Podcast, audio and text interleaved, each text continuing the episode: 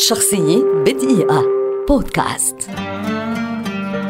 دينو زوف حارس مرمى إيطالي شهير ولد عام 1942 ويعد واحدا من أبرز حراس المرمى في تاريخ كرة القدم العالمية. بدأ مسيرته في سن صغيرة مع نادي أودينيزي الإيطالي وسرعان ما لفت الأنظار لتميزه ومهاراته الاستثنائية في الحراسة ليحطم خلال مسيرته الحافلة العديد من الأرقام القياسية التي لم تكن مسجلة لأي حارس مرمى قبله. يأتي في مقدمتها محافظته على مرمى المنتخب الإيطالي نظيفا لمدة 1142 دقيقة في فترة ما بين سبتمبر 1972 ويونيو 1974 لعب دينوزوف 570 مباراة في بطولة الدوري الإيطالي لأندية أودينيزي ومانتوفا ونابولي واليوفنتوس الذي سجل معه رقمين قياسيين إذ لعب لها 332 مباراة متتالية ولم يخسر مكانه في التشكيلة الأساسية لأحد عشر موسما متتاليا. كما لعب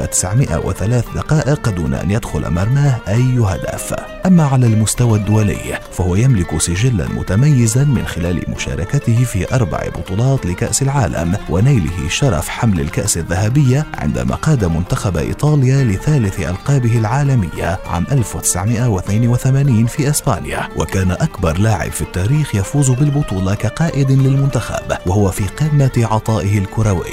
من أبرز مميزات زوف كحارس هدوءه الشديد في الملعب وقيادته للاعبي خط الدفاع. ومن أبرز المحطات التي لا تنسى له في مسيرته تفننه في إضاعة الوقت في كأس العالم عام 1982 عندما كان المنتخب الإيطالي متقدما على منتخبي البرازيل والأرجنتين في الأدوار الحاسمة. ما دعا الاتحاد الدولي لكرة القدم الفيفا إلى تغيير قانون اللعبة بمنع حارس المرمى من دحرجة الكرة ثم التقاطها مرة أخرى. فاز دينوزوف كلاعب بالدوري الإيطالي ست مرات وبكأس إيطاليا مرتين وكأس الاتحاد الأوروبي مرة واحدة. كما فاز بكأس الأمم الأوروبية مع منتخب بلاده إلى جانب كأس العالم ثم فاز بكأس إيطاليا وكأس الاتحاد الأوروبي مرة واحدة كمدرب. وفي عام 2003 اختاره الاتحاد الإيطالي لكرة القدم كأفضل لاعب إيطالي في آخر خمسين عاما. شخصية بدقيقة.